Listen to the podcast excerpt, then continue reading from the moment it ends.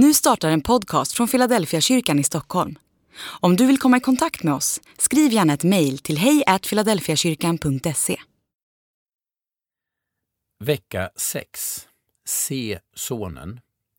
Till detta är min faders vilja, att alla som ser Sonen och tror på honom ska ha evigt liv, och jag ska låta dem uppstå på den sista dagen.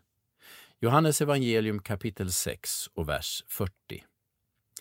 I den undervisning Johannes återger i sitt evangelium återkommer Jesus ständigt till betydelsen av människors förhållande till honom själv. Han talar om att bli kvar i honom, att tro på honom, att se honom, att lyssna till hans ord, höra hans röst med mera. Gång på gång vrider och vänder Jesus på frågan om vårt förhållande till honom, som han vrider på en diamant. Denna vecka läser vi ett av de ord från Jesus som beskriver betydelsen av att se honom och tro på honom. Detta är en naturlig fortsättning av förra veckans läsning om Jesu identitet. Dag 36. Alla som ser Sonen. Johannes evangelium kapitel 6 och vers 40. Mitt favoritämne när jag gick i lågstadiet var gymnastik. Där fick man utlopp för all energi som dämdes upp under alla stillasittande timmar i skolbänken. Vi spelade gränsbrännboll och brännboll, vi spelade fotboll, gjorde armhävningar och joggade runt skolan. Men det fanns en del av gymnastiken som jag aldrig tyckte om och det var redskapsgymnastik.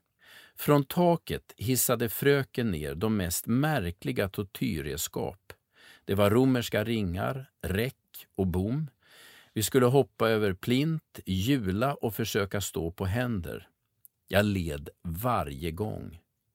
Jag har ett speciellt minne som sitter kvar och som jag kan återvända till när jag vill.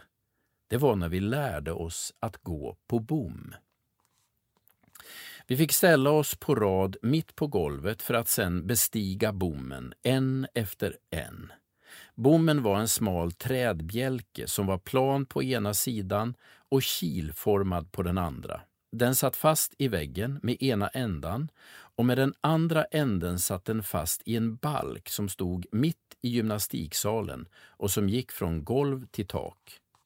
Jag minns hur jag darrande klev upp på bommen och höll mig i balken bakom ryggen. Så sa fröken åt mig att släppa taget och börja gå. Jag fokuserade på bommen och på mina fötter. Redan då var mina fötter nästan lika stora som de är idag och bommen var bra mycket smalare än sulan på skorna. Hur mycket jag än stirrade på bommen och på mina fötter så kom jag aldrig längre än fyra steg. Till sist sa fröken till oss att vi gjorde fel och att vi, att vi inte skulle titta ner på våra fötter utan lyfta blicken och titta på en punkt längre fram, dit vi var på väg.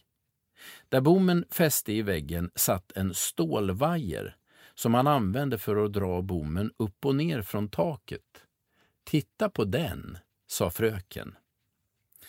En efter en ställde vi oss på bommen, fast beslutna om att följa frökens instruktion. Jag kan fortfarande minnas känslan av tvivel när jag ställde mig på bommen. Var det verkligen ett klokt råd att följa? Kan man låta bli att titta på bommen och ändå komma hela vägen ända fram? Borde man inte se sig för var man satte ner sina fötter? När jag kom upp på bommen fixerade jag vajern med blicken och släppte taget om balken bakom mig.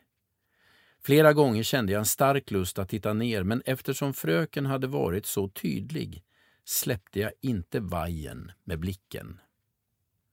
Ni som har varit med om det jag berättar om vet förmodligen hur det gick. Så länge jag tittade på vajern lyckades jag hålla balansen. Om jag tittade på vajern hela tiden klarade jag av att gå hela vägen. När Jesus säger att man ska se Sonen tänker jag på bommen och vajern.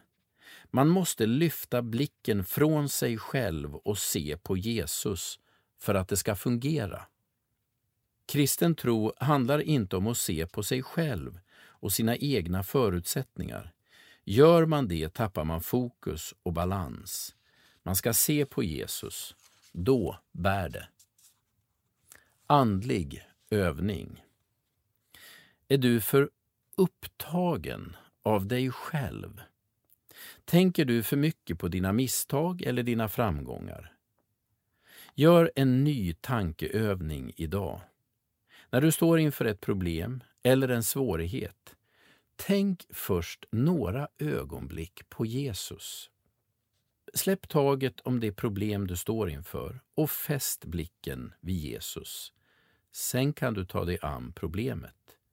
Utvärdera detta vid dagens slut.